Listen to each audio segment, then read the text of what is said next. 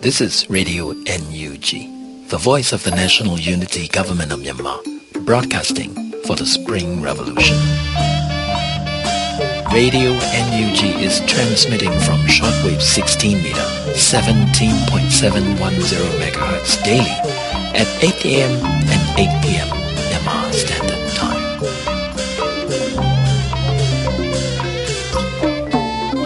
မင်္ဂလာပါခင်ဗျာအမျိုးသားညီညွတ်ရေးအစိုးရရဲ့အသံလွှင့်ဌာနကမြန်မာစံတော်ချိန်မနေ့၈နာရီတစ်ချိန်ည၈နာရီတစ်ချိန်လိုင်းလိုမီတာ16 19.8 MHz မှာနေ့စဉ်အသံလွှင့်ပေးနေပါပြီမြန်မာနိုင်ငံသူနိုင်ငံသားများမင်္ဂလာအပေါင်းနဲ့ပြည့်စုံကြပါစေခုချိန်ကစပြီး Radio NUG အစီအစဉ်လေးကိုဓာတ်ရိုက်အသံလွှင့်ပေးနေပါပြီ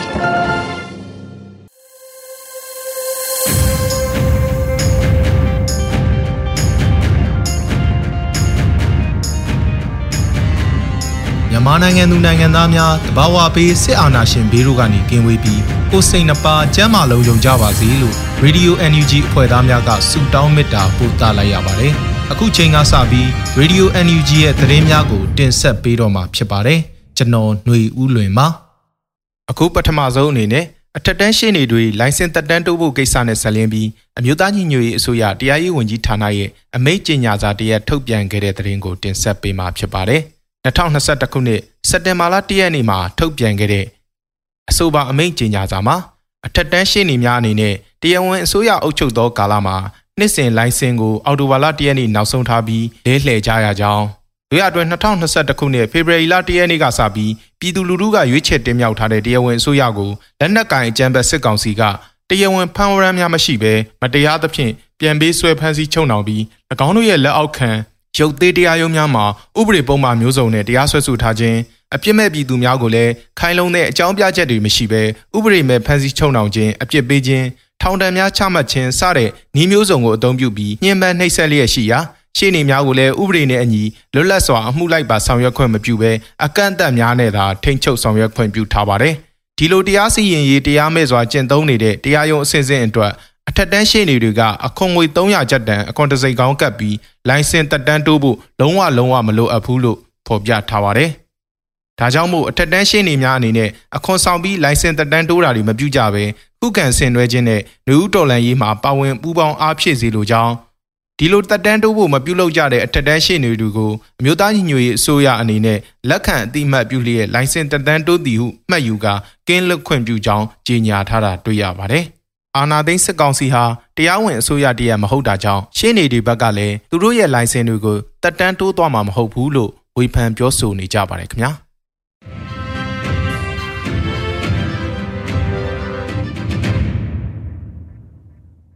ဆက်လက်ပြီးအမျိုးသားညီညွတ်ရေးအစိုးရယာယီသမ္မတကြီးနဲ့အစိုးရအဖွဲ့ဝင်များ ဩစတြေးလျလွှတ်တော်နိုင်ငံခြားရေးကာကွယ်ရေးနဲ့ကုန်သွယ်ရေးဆိုင်ရာပူးပေါင်းကော်မတီရဲ့နိုင်ငံခြားရေးနဲ့အကူအညီထောက်ပံ့ရေးဆပ်ကော်မတီဥက္ကဋ္ဌဒုဥက္ကဋ္ဌဦးဆောင်တဲ့လွှတ်တော်ကိုယ်စားလှယ်များနဲ့တွေ့ဆုံခဲ့တဲ့သတင်းကိုတင်ဆက်ပေးမှာဖြစ်ပါတယ်။အမျိုးသားညီညွတ်ရေးအစိုးရယာယီသမ္မတကြီးနဲ့အစိုးရအဖွဲ့ဝင်များဟာဩစတြေးလျလွှတ်တော်နိုင်ငံခြားရေးကာကွယ်ရေးနဲ့ကုန်သွယ်ရေးဆိုင်ရာပူးပေါင်းကော်မတီရဲ့နိုင်ငံခြားရေးနဲ့အကူအညီထောက်ပံ့ရေးဆပ်ကော်မတီဥက္ကဋ္ဌဒုဥက္ကဋ္ဌတို့ဦးဆောင်တဲ့လွှတ်တော်ကိုယ်စားလှယ်တွေနဲ့ ဩဂုတ်လ31ရက်နေ့နေ့လယ်ပိုင်းကမြန်မာနိုင်ငံရေးနဲ့ပတ်သက်ပြီးတွေ့ဆုံဆွေးနွေးခဲ့ကြပါတယ်။ဒီလိုတွေ့ဆုံရမှာအမျိုးသားညီညွတ်ရေးအစိုးရအဖွဲ့ကယာယီသမရဒူဝါလက်ရှိလာနဲ့အတူပြည်ထောင်စုဝန်ကြီးများဖြစ်ကြတဲ့နိုင်ငံခြားရေးဝန်ကြီးဒေါ်စင်မအောင်အပြည်ပြည်ဆိုင်ရာပူးပေါင်းဆောင်ရွက်ရေးဝန်ကြီးဒေါက်တာဆာဆာပညာရေးနဲ့ကျန်းမာရေးဝန်ကြီးဒေါက်တာဇော်ဝီဆိုးနဲ့ဩစတြေးလျနိုင်ငံဆိုင်ရာအမျိုးသားညီညွတ်ရေးအစိုးရကိုယ်စားလှယ်ဒေါက်တာထွန်းအောင်ရွှေတို့တက်ရောက်ခဲ့ကြပြီးဩစတြေးလျလွှတ်တော်ကိုစားပြုအနေနဲ့ဩစတြေးလျလွှတ်တော်နိုင်ငံခြားရေးကာကွယ်ရေးနဲ့ကုန်သွယ်ရေးဆိုင်ရာပူးပေါင်းကော်မတီဥက္ကဋ္ဌ ဆီနီတာဟွန်ဒေးဗစ်ဖော့ဆက်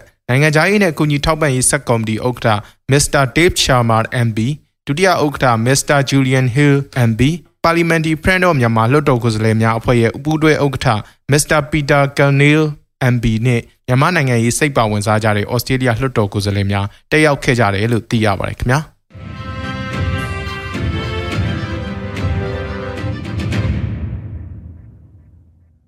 ဆက်လက်ပြီး လူသားချင်းစာနာထောက်ထားရေးနဲ့ဘေးအန္တရာယ်ဆိုင်ရာစီမံခန့်ခွဲမှုဝန်ကြီးဌာနကပဋိပက္ခများအတွင်ပြည်သူများဘေးရန်တွေအတွက်ကြိုတင်ပြင်ဆင်ရန်အပိုင်းလေးကိုထုတ်ပြန်လိုက်တဲ့သတင်းကိုတင်ဆက်ပေးမှာဖြစ်ပါတယ်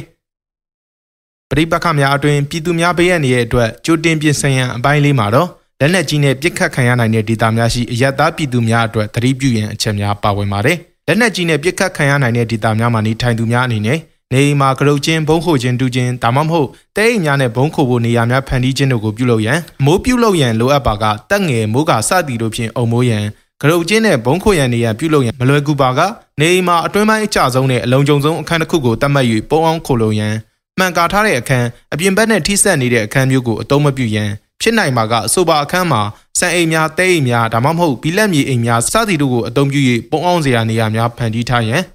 မိမိနေအိမ်ဤတွင်လက်နက်ကြီးပစ်ခတ်တံကျဲလောင်စွာကြားရပါကတက်ကြီးရွယ်ဦးများမိနေတဲ့များနဲ့ကလေးသူငယ်များအလွန်အမင်းထိတ်လန့်စေနိုင်သည့်အတွက်နားတွင်ပိတ်ဆို့စရာ ear plug ဘွန်းစပတိလိတ်စသည်တို့ကိုတုံး၍နားတွင်ပိတ်ဆို့ထားရန်ပြင်းထန်တဲ့ပေါက်ကွဲတံကြောင့်နစီကွဲနိုင်တဲ့အတွက်နားကိုပိတ်ပြီးပါဇက်ကိုဟာထားရန်မိမိနဲ့နီးကပ်တဲ့အကွာဝေးကလေရင်တန်ကြားခဲ့ပါကအပြင်ဘက်သို့လုံးဝထွက်မကြည့်ပဲပုံအောင်တဲ့နေရာမှာပဲဆက်လက်နေထိုင်ရန် လေကြောင်းတိုက်ခိုက်မှုများရှိနိုင်သည်ကိုကြိုတင်စဉ်းစား၍အကာအကွယ်များရရှိစေရန်ပြင်ဆင်ဆောင်ရွက်ရန်မိမိနေအိမ်သည်အဝင်အထွက်လမ်းမကျောတွင်တရှိပါကလုံခြုံရေးကိုပုံမဂယူးဆိုင်ပြင်ဆင်ရန်အသုံးပြုပြီးမပေါက်ကွဲသေးသောစစ်လက်နက်ခဲယမ်းပစ္စည်းများလက်ပစ်ဗုံးမော်တာကြီးဒုံးကြီးစသည်တို့ကိုတွေ့ရှိပါကအလွန်အနေအကြီးမားတာကြောင့်ကင်တွယ်ခြင်းထိခြင်းခြေဖြင့်ကန်ခြင်းနေရာရွှေ့ပြောင်းခြင်းမိရှို့ခြင်းတို့လုံးဝမပြုလုပ်ရန်၎င်းတို့ဟာပေါက်ကွဲလူလူဖြစ်နေတတ်ပြီး အตาအယာတုတ်ထိမိယုံဖြင့်ပေါက်ကွဲနိုင်တဲ့အတွက်အထူးသတိပြုရှောင်ကျဉ်ကြရန်တို့ပါရှိပါတယ်။အမျိုးသားညီညွတ်ရေးအစိုးရလူသားချင်းစာနာထောက်ထားရေးနဲ့ဘေးအန္တရာယ်ဆိုင်ရာစီမံခန့်ခွဲမှုဝန်ကြီးဌာနအနေနဲ့ပဋိပက္ခများအတွင်ပြည်သူများဘေးအန္တရာယ်အတွက်ကြိုတင်ပြင်ဆင်ရန်အပိုင်း1အပိုင်း2အပိုင်း3အပိုင်း4အပိုင်း4ပိုင်းခွဲခြားပြီးကြေညာချက်ထုတ်ပြန်ထားတာဖြစ်ပါတယ်။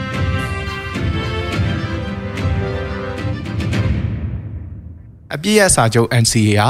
ပြက်ပြဲသွားပြီလို့မှတ်ယူနိုင်တယ်လို့ KNU Concern Group ကထုတ်ပြန်လိုက်တဲ့သတင်းကိုတင်ဆက်ပေးမှာဖြစ်ပါတယ်။တနိုင်ငံလုံးပြစ်ခတ်တိုက်ခိုက်မှုရစရေးသဘောတူစာချုပ် NCA ပြက်ပြဲသွားပြီလို့ KNU Concern Group ကဒီနေ့စက်တင်ဘာ2ရက်ရက်စွဲနဲ့ထုတ်ပြန်လိုက်တာပါ။ NCA ပြက်ပြဲသွားပြီလို့မှတ်ယူနိုင်တယ်လို့ KNU Concern Group ကထုတ်ပြန်တဲ့လက်ရှိနိုင်ငံရေးစီရေးလှုပ်ရှားမှုအပေါ်သဘောထားမှာထည့်သွင်းဖော်ပြထားတာဖြစ်ပါတယ်။ NCA ကို2015ခုနှစ်အောက်တိုဘာလ15ရက်နေ့မှာတိုင်းရင်းသားလက်နက်ကိုင်အဖွဲ့၈ဖွဲ့ကပထမဆုံးလက်မှတ်ရေးထိုးခဲ့ပြီး 2018ဖေဖော်ဝါရီလ23ရက်နေ့မှာနောက်ထပ်2ဖွဲ့ကထပ်မံလက်မှတ်ရေးထိုးခဲ့ကစုစုပေါင်း10ဖွဲ့ကလက်မှတ်ရေးထိုးထားခြင်းဖြစ်ပါတယ်။ NCA စာချုပ်ဟာတိုင်းရင်းသားလက်နက်ကိုင်တော်လှန်ရေးအဖွဲ့အစည်းများရဲ့နိုင်ငံရေးပန်းနိုင်သို့မရောက်နိုင်တဲ့အပြင်လက်နက်ကိုင်အဖွဲ့များကိုလက်နက်ဆွန့်စေပြီး2008ဖွဲ့စည်းပုံအခြေခံဥပဒေအောက်တွတ်သွင်းတဲ့စာချုပ်တရက်ဖြစ်ကြောင်း KNU Consent Group ကဝေဖန်ထားတာပါ။ဖေဖော်ဝါရီလတရက်အာဏာသိမ်းပြီးနောက်ပိုင်းစစ်ကောင်စီအနေနဲ့စန္ဒပြပြည်သူများနိုင်ငံရေးပါတီများသတင်းမီဒီယာများနဲ့တက်ကြွလှုပ်ရှားသူများကို မတရားဖမ်းဆီးတပ်ဖြတ်ခြင်းတိုင်းရင်းသားလက်နက်ကိုင်များရဲ့ထိန်းချုပ်နယ်မြေများမှာထိုးစစ်ဆင်ခြင်းများပြုလုပ်လျက်ရှိပါတယ်။လက်ရှိမှာလည်း KN မျိုးသားစီယုံ KNU နယ်မြေမှာ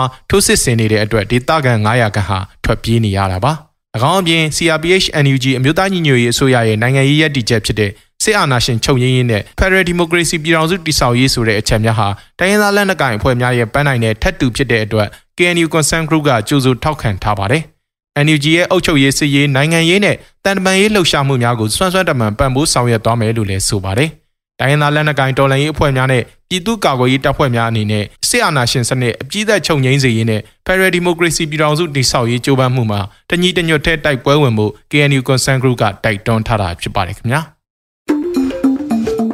တော်ရရှိမြခင်ဗျာ။ယခုဆက်လက်ပြီးအမျိုးသားညီညွတ်ရေးအစိုးရ Federal ရေးရာဝန်ကြီးဌာနဒုဝန်ကြီးဦးချစ်ထွန်းရဲ့ အာဏာရှင်စနစ်အမြင့်ပြတ်ချေမှုန်းရေးအတွက်ဆွေးနွေးချက်ကိုနားဆင်ရမှာဖြစ်ပါတယ်။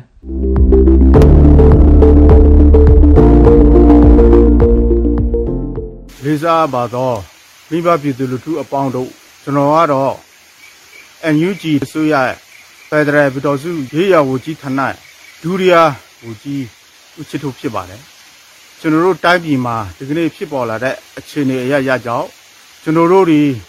ပြေးရှောင်နေရတဲ့ ဒုက္ခရောက်နေရတယ်အသက်ခံရတယ်အကွဲကွဲပြပြဖြစ်နေရတဲ့အခြေအနေကိုရောက်ရှိနေတာကျွန်တော်တို့ခံစားနေရပါတယ်ကျွန်တော်တို့တိုင်းရင်းသားအနေနဲ့ကျွန်တော်တို့နိုင်ငံတော်တည်ဆောက်တဲ့နေရာမှာ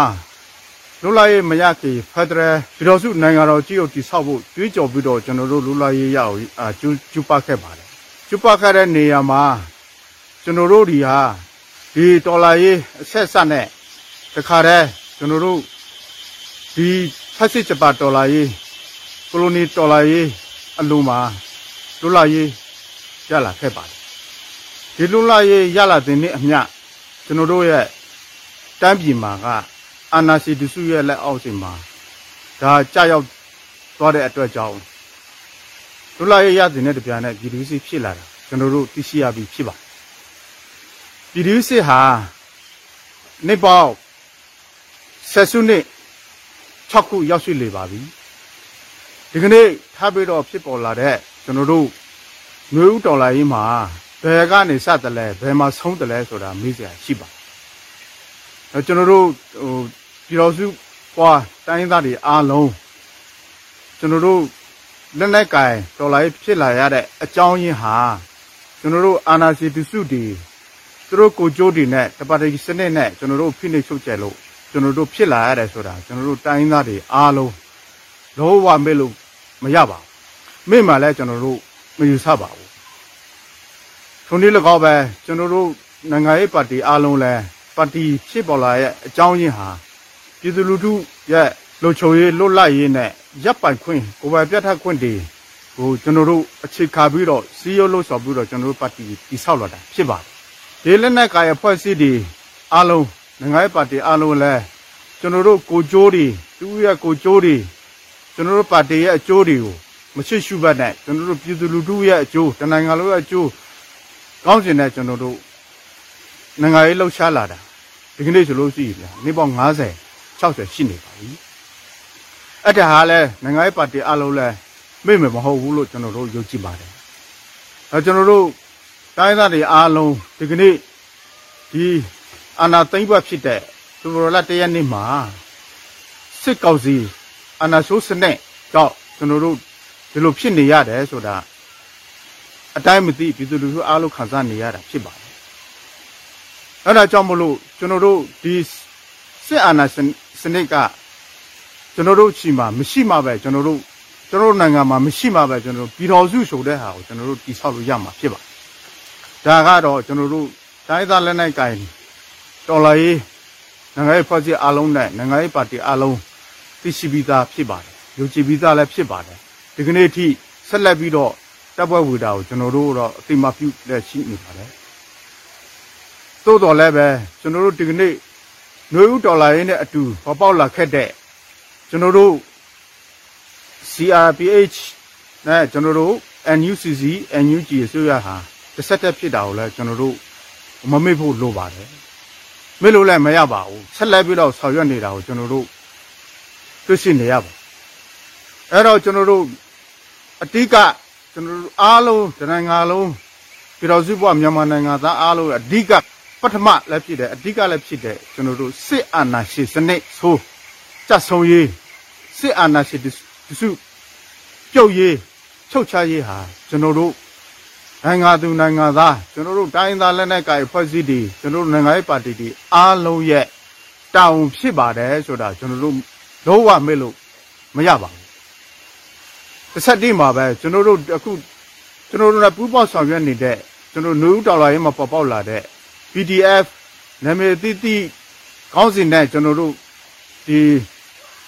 အာအကူစားပြုနေတဲ့ဒေါ်လာရေးလူငယ်တွေအားလုံးကျွန်တော်တို့တပိတ်မှာကြတ်ဆုံးတော့တဲ့ ပြည်သူလူထုသားသမီးတွေအားလုံးနဲ့ထောင်တက်မှာကြကြခံနေရတဲ့ကျွန်တော်တို့နိုင်ငံရေးကောင်းဆောင်များဒေါ်လာရေးကောင်းဆောင်များနဲ့ကျွန်တော်တို့လူငယ်မောင်မယ်များအားလုံးအမှုပညာရှင်များအားလုံးလည်းကျွန်တော်တို့ကလုံးဝမေ့လို့မရပါဘူးသူတို့ရဲ့လှုပ်ဆောင်ချက်တွေဟာဒါသူတို့အတွက်မဟုတ်ဘူးဆိုတာကျွန်တော်တို့သိထားမိသားဖြစ်တယ်အတနိုင်ငံလုံးအရေးဟာကျွန်တော်တို့အရေးဖြစ်တယ်ဆိုတာကလည်းကျွန်တော်တို့ကောင်းတဲ့မှာ အမြဲတမ်းမှယူထားဖို့အရေးကြီးနေပါတယ်အဲဒါကြောင့်မလို့ကျွန်တော်တို့နိုင်ငံဟာပထမစစ်အာဏာပြုတ်ချရေးဒုတိယကကျွန်တော်တို့ Federal ပြည်တော်စုနိုင်ငံတော်ကြီးကိုတည်ဆောက်ရေးအဲ့တော့စစ်အာဏာရှင်စနစ်ရှိနေသူရဲ့တော့ကျွန်တော်တို့ Federal ပြောနေတဲ့ဟာကနှစ်ပေါက်60 90ရှိပါပြီကျွန်တော်တို့တိုင်းသားတွေအားလုံးလည်းကိုယ်အကျိုးကိုယ်ဖွဲ့စည်းအကျိုးကိုယ်မျိုးသားအကျိုးကိုယ်ပြည်နယ်အကျိုးဆိုတာကိုအကလို့ခြံထားပြီးတော့ကျွန်တော်တို့တနိုင်ငံလုံး အပေါ်စီးကနေကိုယ်နိုင်ငံကိုချစ်တဲ့စိတ်ဓာတ်နဲ့ကြည့်ပြီးတော့ကျွန်တော်တို့ပြည်သူလူထုတွေနဲ့အားလုံးပူးပေါင်းဆောင်ရွက်ပြီးတော့တပ်ဖွဲ့ဖို့ဖို့လိုပါတယ်တပ်ဖွဲ့ဝင်ဖို့ဆိုတဲ့နေရာမှာလဲကျွန်တော်တို့ကနီးအမျိုးမျိုးအသွင်တရာမျိုးစုံနဲ့ကျွန်တော်တို့ပူးပေါင်းပါဝင်နိုင်မှသာလေကျွန်တော်တို့ဒီလူဦးတော်လာရေးအောင်မြင်ပါလို့ကျွန်တော်တို့ယူကြည်ပါတယ်ထိုနည်း၎င်းပဲကျွန်တော်တို့နိုင်ငံရေးပါတီကလည်းပဲကျွန်တော်တို့နိုင်ငံရေးပါတီတည်ထောင်တာဟာအလကားအားနေလို့ပတ်သက်ပူရှာနေလို့တည်ထောင်တာမဟုတ်ဘူးဆိုတာကျွန်တော်တို့ယုံကြည်တယ် အဲ့ဒါပြည်သူလူထုရဲ့အကျိုးကျွန်တော်တို့နိုင်ငံရဲ့ဖွံ့ဖြိုးတိုးတက်မှုနဲ့ဒီမိုကရေစီလူအခွင့်အရေးအပြည့်အဝရှိရေးတရားတဲ့ဥပဒေစိုးမိုးရေးအတွက်ကျွန်တော်တို့ပါတီကိုစီကိုစီတည်ထောင်ကြတာကိုကျွန်တော်တို့တွေ့ရှိရပါတယ်လက်ရှိမှာလည်းကျွန်တော်တို့ပါတီဒီဆက်လက်လှုပ်ရှားနေတာကျွန်တော်တို့ပြည်သူအများသိပြီးသားဖြစ်ပါတယ်အဲ့တော့ပါတီဒီအကျိုးဒီမငဲ့ပဲနဲ့ကျွန်တော်တို့တနိုင်ငံလုံးအကျိုးကိုချစ်ရှုပြီးတော့ကျွန်တော်တို့အားလုံးပူပေါင်းဆောင်ရွက်မှသာလေကျွန်တော်တို့နိုင်ငံကျွန်တော်တို့ပြည်တော်စုဖြစ်ချင်တဲ့ ဒီမိုကရေစီလာကြောင်းငြင်းကြလာကြောင်းနဲ့ကမ္ဘာအဆင့်မီတဲ့နိုင်ငံရှိတိရောက်သွားမှာဖြစ်ပါတယ်ကျွန်တော်တို့မိဘပြည်သူအားလုံးကို၎င်းကျွန်တော်တို့တိုင်းသားလက်နက်ကိုင်ဖွဲ့စည်းအားလုံးကို၎င်းကျွန်တော်တို့နိုင်ငံရေးပါတီအားလုံးကို၎င်းကျွန်တော်တို့ဒီပထမဥတီချက်ဖြစ်တဲ့စစ်အာဏာရှင်ပြုတ်ကြရေးကိုမလွဲမသွေမဟုတ်ချမလွတ်လို့မဖြစ်တဲ့နိုင်ငံရေးအလုပ်ရဖြစ်တဲ့အခါကျတော့ဒီဟာကိုပထမနေရာမှာကျွန်တော်နိုင်ငံအတွက်ခေါင်းထက်မှာ စိတ်ထက်မှာနှလုံးသားထက်မှာ ਨੇ ဒီလှုပ်ဆောင်ချက်လှုပ်ရှားမှုတွေအားလုံးပူပပေါဖို့လိုပါတယ်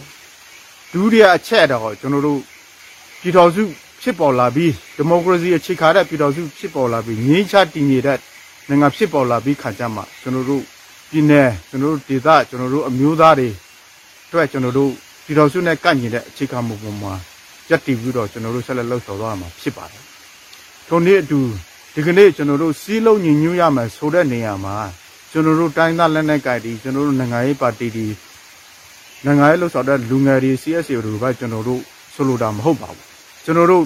တိုင်းပြည်မှာရှိတဲ့နိုင်ငံသူနိုင်ငံသားအားလုံးတိုင်းပြည်တောင်ထမ်းဆောင်နေကြတဲ့ဝန်ထမ်းအားလုံးအထူးသဖြင့်တပ်မတော်သားတွေနိုင်ငံကိုကာကွယ်ပါမယ်ဆိုတဲ့တပ်မတော်သားတွေနဲ့ပြည်သူလူထုရဲ့အသက်စီစိမ်ဥစ္စာကိုလုံခြုံမှုရှိအောင်ဒဲမတ်တမှုရှိအောင်လုပ် ဆောင်ရွက်နေတဲ့ပြည်သူရဲတပ်ဖွဲ့ကိုအားလုံးဟာ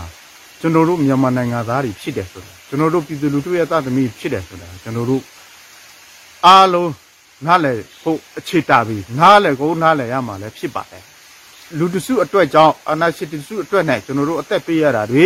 ကျွန်တော်တို့ပြည်သူလူထုအမုန်းခါရတာတွေကိုတော့ကျွန်တော်တို့ဒါတွေသဘောပေါက်ဖို့လိုနေပါပြီအဲ့တော့ကျွန်တော်တို့ချစ်တဲ့ကျွန်တော်တို့မြန်မာနိုင်ငံသူနိုင်ငံသားအားလုံးဖြစ်တဲ့ကျွန်တော်တို့ဝန်သားအားလုံး တမတော်သားအားလုံးပြည်သူရဲတပ်ဖွဲ့အားလုံးနောက်တခြားတခြားသောဌာနဆိုင်ရာဝန်သားအားလုံးဟာကျွန်တော်တို့မြန်မာနိုင်ငံသားဖြစ်သည့်အတွက်ကြောင့်ကျွန်တော်တို့စီးစီးလုံးလုံးနဲ့ညီညီညွတ်ညွတ်နဲ့ကျွန်တော်တို့စစ်အာဏာရှင်အာဏာရှင်စနစ်ဆိုးကြီးကိုကျွန်တော်တို့ဖြုတ်ချရယူနိုင်မှကျွန်တော်တို့လိုချင်တဲ့နိုင်ငံကျွန်တော်တို့လိုချင်တဲ့ပြည်တော်စုကြီးကျွန်တော်တို့လိုချင်တဲ့ငြိမ်းချတဲ့တရားမျှတတဲ့ဒီမိုကရေစီနိုင်ငံတော်ကျွန်တော်တို့တည်ဆောက်နိုင်မှာဖြစ်ပါတယ် အဲ့ဒါကြောင့်မလို့ကျွန်တော်တို့အားလုံးဒီဒီစိတ်ဓာတ်တွေထပ်ရှိဖို့မြန်မာနိုင်ငံကိုချစ်တဲ့စိတ်ဓာတ်တွေရှိမယ်ဆိုရင်တော့ဝန်သားတွေဆိုတဲ့ဟာတွေဒါကျွန်တော်တို့ခဏလေးခြံထားလို့ရပါတယ်ကျွန်တော်တို့ဖွဲ့စည်းဒီကလည်းပဲကျွန်တော်တို့ကိုယ်ဖွဲ့စည်းရေးကိုယ်နာမည်လုံခြုံရေးကိုယ်ဒေတာဖွံ့ဖြိုးရေးဘက်မှာမြန်တနိုင်ငံလုံးကိုခြုံလွှားပြီးတော့ကျွန်တော်တို့အတူတကွတက်ပွဲဆက်လက်ဝင်သွားပြီးတော့အောင်ပွဲရယူအောင်ကျူးစာကြပါစို့လို့ကျွန်တော်ပြောကြလိုပါတယ်ကျွန်တော်တို့ကြက်ဆုံးသွားတဲ့အနုဒေါ်လာရေးမှာကြက်ဆုံးသွားတဲ့ ရဲဘော်တွေအားလုံးကျွန်တော်တို့ဒေါ်လာရေးစစ်အာဏာရှင်စနစ်ကိုကျွန်တော်တို့နှစ်90လုံးလုံးဒေါ်လာရေးနဲ့ကြက်ဆုံးသွားတယ်ကျွန်တော်တို့မိဘပြည်သူလူထုရဲဘော်အပေါင်းတို့နဲ့ဝန်ထမ်းအားလုံးကိုကျွန်တော်တို့ NUG အစိုးရအနေဖြစ်တဲ့၎င်းကျွန်တော်တို့ဝူကြီးဌာနအနေဖြစ်တဲ့၎င်းအစဉ်ထာဝရဥညွအလုပ်ပြုပါတယ်လို့ကျွန်တော်ပြောကြားလိုပါတယ် ပြည်သူလူထုအားလုံးဒီ Federal Democracy နိုင်ငံတော်တည်ဆောက်ဖို့ဆိုရင်ကျွန်တော်တို့အားလုံးညီညွတ်ဖို့လိုပါတယ်ကျွန်တော်တို့ကိုကြိုးဒီမနတ်ဒီကျွန်တော်တို့မောဟဒီခြံထားပြီးတော့တနိုင်ငံလုံးခြုံလွှားတဲ့အမြင်နဲ့ဟိုပြည်သူဒီမိုကရေစီကိုကျွန်တော်တို့ချစ်တက်ကြပါစို့လို့ကျွန်တော်ပြောကြရနေကိုချုပ်ပါတယ်အားလုံးလည်းကျေးဇူးတင်ပါတယ်မြန်မာနိုင်ငံသူနိုင်ငံသားမိဘပြည်သူလူထုအပေါင်းတို့စစ်အာဏာရှင်ဖြစ်နေမှုစနစ်အောက်နဲ့အများဆုံးလွတ်မြောက်ပါစေကိုဗစ် -19 ယောဂါကနေပြီးတော့အများဆုံးကင်းလွတ်နိုင်ပါစေလို့ကျွန်တော်ပြောကြလိုပါတယ်မေတ္တာရက်ခါလိုပါတယ်အားလုံးကျေးဇူးတင်ပါတယ်အရေးတော်ဘုံအောင်ရမည်ရေတော်ဘုံအောင်ရမည်ရေတော်ဘုံအောင်ရမည်ယခုဆက်လက်ပြီးပဋိပက္ခများတွင်ကြိုတင်ပြင်ဆင်ခြင်းတတိယပိုင်းကိုနားဆင်ရမှာဖြစ်ပါတယ်ပဋိပက္ခများတွင်ပြည်သူများဘေးရန်ရဲ့အတွက်ကြိုတင်ပြင်ဆင်ရန်အချက်များအပိုင်း၃ နေအိမ်ကိုစွန့်ခွာရမည်ဆိုပါကဆောင်ရွက်တင်သည့်အချက်များနေအိမ်ရှိမိခလုံများကိုပိတ်ထားရန်နှင့်မင်းခလုံများကိုချရန်အချိန်ရပါကရေတိုင်ကြီးများရေစီများကိုရေဖြည့်ထားခဲ့ရန်တံမိုးကြီးပစ္စည်းများရှိပါကနေအိမ်တကားတော့များကိုပိတ်ထားခဲ့ရန်အကြမ်းဖက်စစ်ကောင်စီဘက်မှနေအိမ်တကားများကိုဖျက်ဆီးထားခဲ့သည့်နမူနာများရှိသည့်အတွက်အခြားအဖိုးတန်ပစ္စည်းများမကြန့်ရှိပါက တကားများကိုစေပိတ်ထားခဲ့ရန်နေအိမ်တွင်အခြားအရေးကြီးပစ္စည်းများနှင့်စားနပ်ရိက္ခာများကြန့်ရှိနေပါကဆင့်အိုပလတ်စတစ်ပုံစသည်တို့တွင်ထည့်၍မြေရင်းတူပြီးမြုပ်နှံထားခဲ့ရန်သို့မဟုတ်လုံခြုံသောနေရာတွင်ထားခဲ့ရန်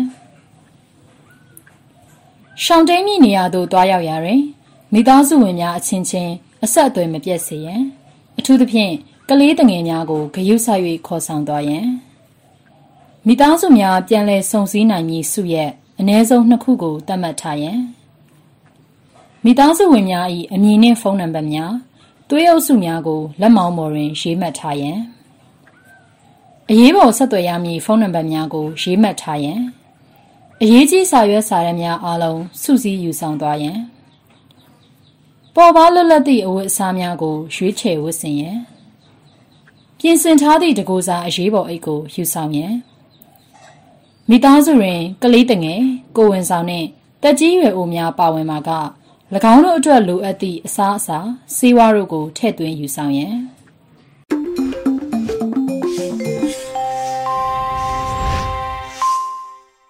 အမျိုးသားညီညွတ်ရေးအစိုးရကာကွယ်ဝင်ကြီးဌာနလက်အောက်ရှိပြည်သူ့ကာကွယ်ရေးတပ်မတော် PDF တပ်သားများလိုက်နာရမယ့်စစ်ဖက်ဆိုင်ရာကျင့်ဝတ်တွေရှိပါတယ်။အဆိုပါစစ်ဖက်ဆိုင်ရာကျင့်ဝတ်တွေကတော့ လက်နက်ချအညံ့ခံသူများနှင့်စစ်တုံးပန်းများအပေါ်ပြုကျင့်ရမည့်ကျင့်ဝတ်များ၁လက်နက်ချအညံ့ခံသူများနှင့်စစ်တုံးပန်းများအားနှိပ်စက်ခြင်းနှင့်တပ်ဖြတ်ခြင်းမပြုရ။၂စစ်တုံးပန်းများနှင့်ဖမ်းဆီးထိန်းသိမ်းခံထားသူများအား Geneva Convention ပါပြဋ္ဌာန်းချက်များအရလူဂုံတိတ်ခါနှင့်အညီဆက်ဆံရမည်။၃မိသားစုများထံအတက်နိုင်ဆုံးအတိပေးအကြောင်းကြားခြင်းကျန်းမာရေးစောင့်ရှောက်မှုပေးခြင်းချုပ်နှောင်ထားရှိရန်လိုအပ်ပါက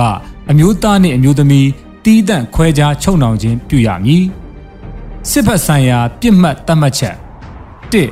စစ်အာဏာရှင်စနစ်၏ရန်တရားများကိုသာခြေမှုံးရမည်၂အယက်သားပြည်သူများအားချင်းချောက်ခြင်းပြစ်မှတ်ထားတိုက်ခိုက်ခြင်းမပြုရ၃စာတင်ကြောင်းဆေးရုံဘာသာရေးအဆောက်အအုံယဉ်ကျေးမှုဆိုင်ရာအထိမ့်မှတ်နေရာများနှင့်အယက်သားပြည်သူများစုဝေးသွားလာလှုပ်ရှားသောနေရာများအားပြစ်မှတ်ထားတိုက်ခိုက်ခြင်းမပြုရ၄ လူနာတင်ရင်များကျန်းမာရေးစောင့်ရှောက်မှုပေးသောနေရာများရှေးဦးတူနာပြုများနှင့်ကျန်းမာရေးစောင့်ရှောက်ကုသမှုပေးသူများလူမှုကယ်ဆယ်ရေးအသင်းအဖွဲ့များအားပြစ်မှတ်ထားတိုက်ခိုက်ခြင်းမပြုရစစ်တီတော်ကျင့်ဝတ်စီမင်းများ၁စစ်ရေးရည်မှန်းချက်များဖြင့်သာတိုက်ပွဲဖော်ဆောင်ရမည်၂စစ်စင်ရေးဆောင်ရွက်ရာတွင်လိုအပ်သောအင်အားကိုသာအသုံးပြု၍ထိခိုက်ပျက်စီးမှုအ ਨੇ ဆုံးဖြစ်စေရန်စီမံဆောင်ရွက်ရမည်၃ အယက်သားပြည်သူများအားကာကွယ်စောင့်ရှောက်ရမည်အယက်သားပြည်သူပိုင်ဥစ္စာပစ္စည်းများကိုထိပါခြင်းမပြုရ၄ဘာသာရေးအဆောက်အအုံများနှင့်ယဉ်ကျေးမှုအမွေအနှစ်များကိုလေးစားတန်ဖိုးထားရမည်၅လက်နက်ကင်ပဋိပက္ခဆိုင်ရာဥပဒေတာများကို ဖောက်ဖျက်ကျူးလွန်ခြင်းမပြုရ၆ခေါင်းဆောင်များသည်စံနမူနာပြခေါင်းဆောင်မှုကို ပြသ၍လက်အောက်ငယ်သားများအပေါ်ကြောသားရင်သားမခွဲကြဘဲတရားမျှတစွာကုတ်ကဲအုပ်ချုပ်ရမည် ခုနှစ်အထက်ကုတ်ကဲမှုအစဉ်အဆက်မှပေးအပ်သောအမိန့်နှင့်တာဝန်များကိုလေးစားလိုက်နာရမည်ရှစ်တပ်ဖွဲ့ဝင်အချင်းချင်းရဲဘော်ရဲဘက်စိတ်ဖြင့်ပူးပေါင်းဆောင်ရွက်ရမည်ကိုလူမျိုးဘာသာကြားမှလိန်စိတ်ခံယူချက်ကွဲပြားမှုအပေါ်မူတည်၍ခွဲခြားဆက်ဆံခြင်းမပြုရ30မူရစေဝါသုံးဆွဲခြင်းမပြုရ17လူမှုရေးရှုပ်ထွေးခြင်းမပြုရ အယက်သားပြည်သူများနှင့်ဆက်ဆံရာတွင်လိုက်နာရမည့်ကျင့်ဝတ်များ1အယက်သားပြည်သူများအားယိုသေးစွာဆက်ဆံရမည်2အယက်သားပြည်သူများအပေါ်မောက်မာရိုင်းပြခြင်းစော်ကားခြင်းအနိုင်ကျင့်နှိပ်စက်ခြင်းမူရရန်ကားခြင်းမပြုရ3အမျိုးသမီးများလိန်စိတ်ကွဲပြားသူများအားရုပ်ပိုင်းဆိုင်ရာစိတ်ပိုင်းဆိုင်ရာလိင်ပိုင်းဆိုင်ရာထိပါနှောက်ယှက်ခြင်းမပြုရ၄ အရေးပေါ်လိုအပ်ချက်အရာအယက်သားပြည်သူပိုင်ပစ္စည်းဥစ္စာများကိုအသုံးပြုရပါက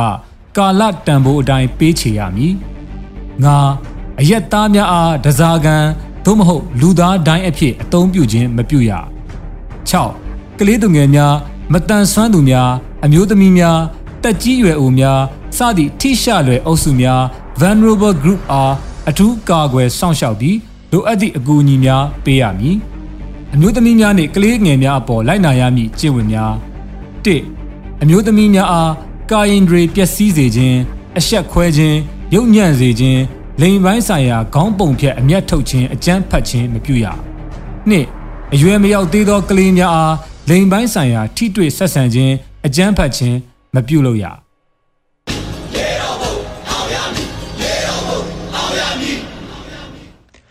ဆက်လက်ပြီး ကိုဗစ်ကာကွယ်ရေးနည်းလမ်းအမှားများအကြောင်းဒေါက်တာတင့်ထွန်းလက်ရဲ့ဆွေးနွေးချက်များကိုနားဆင်ရမှာဖြစ်ပါတယ်။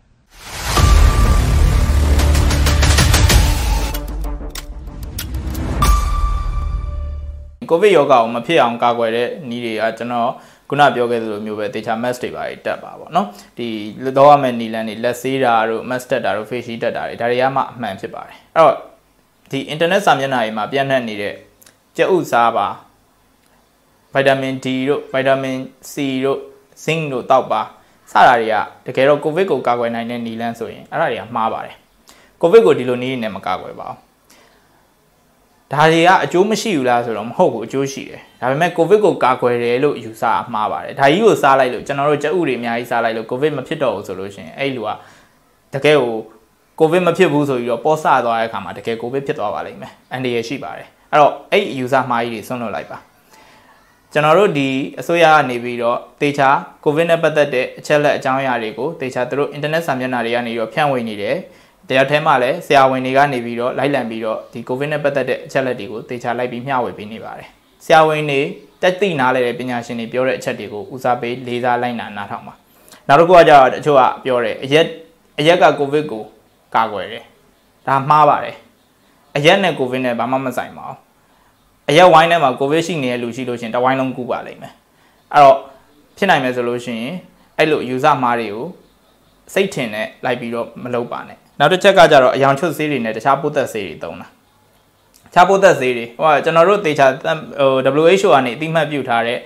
လက်ဆေးရည်တွေလက်ဆေးဂျယ်တွေရှိပါတယ်နောက်ပြီးတော့ပိုးသက်ဆေးတွေရှိပါတယ်အဲ့လိုမဟုတ်ဘဲနဲ့ဘယ်ဟာမှမသိဝင်လာတဲ့เนาะတချို့ကတော့ပြောလိုက်မယ်နိုင်ငံခြားဝင်လာတာအမေရိကန်မှာသုံးတယ်အင်္ဂလန်မှာသုံးတယ် ဒါတော့မျိုးမျိုးပြောပါလိမ့်မယ်ဒါတွေကိုယုံကြည်ပြီးတော့အလွယ်တကူမဝင်မသုံးပါနဲ့ဒီကောင်နေဒီကိုယ့်ရဲ့ခန္ဓာကိုယ်အတွက်ကျန်းမာရေးကိုတောင်ပို့ပြီးတော့ထိခိုက်စေပါတယ်ကိုဗစ်လည်းကာကွယ်ပေးနိုင်မှာမဟုတ်ပါဘူးယောဂကိုဝယ်ယူတာနဲ့အတူတူပါပဲ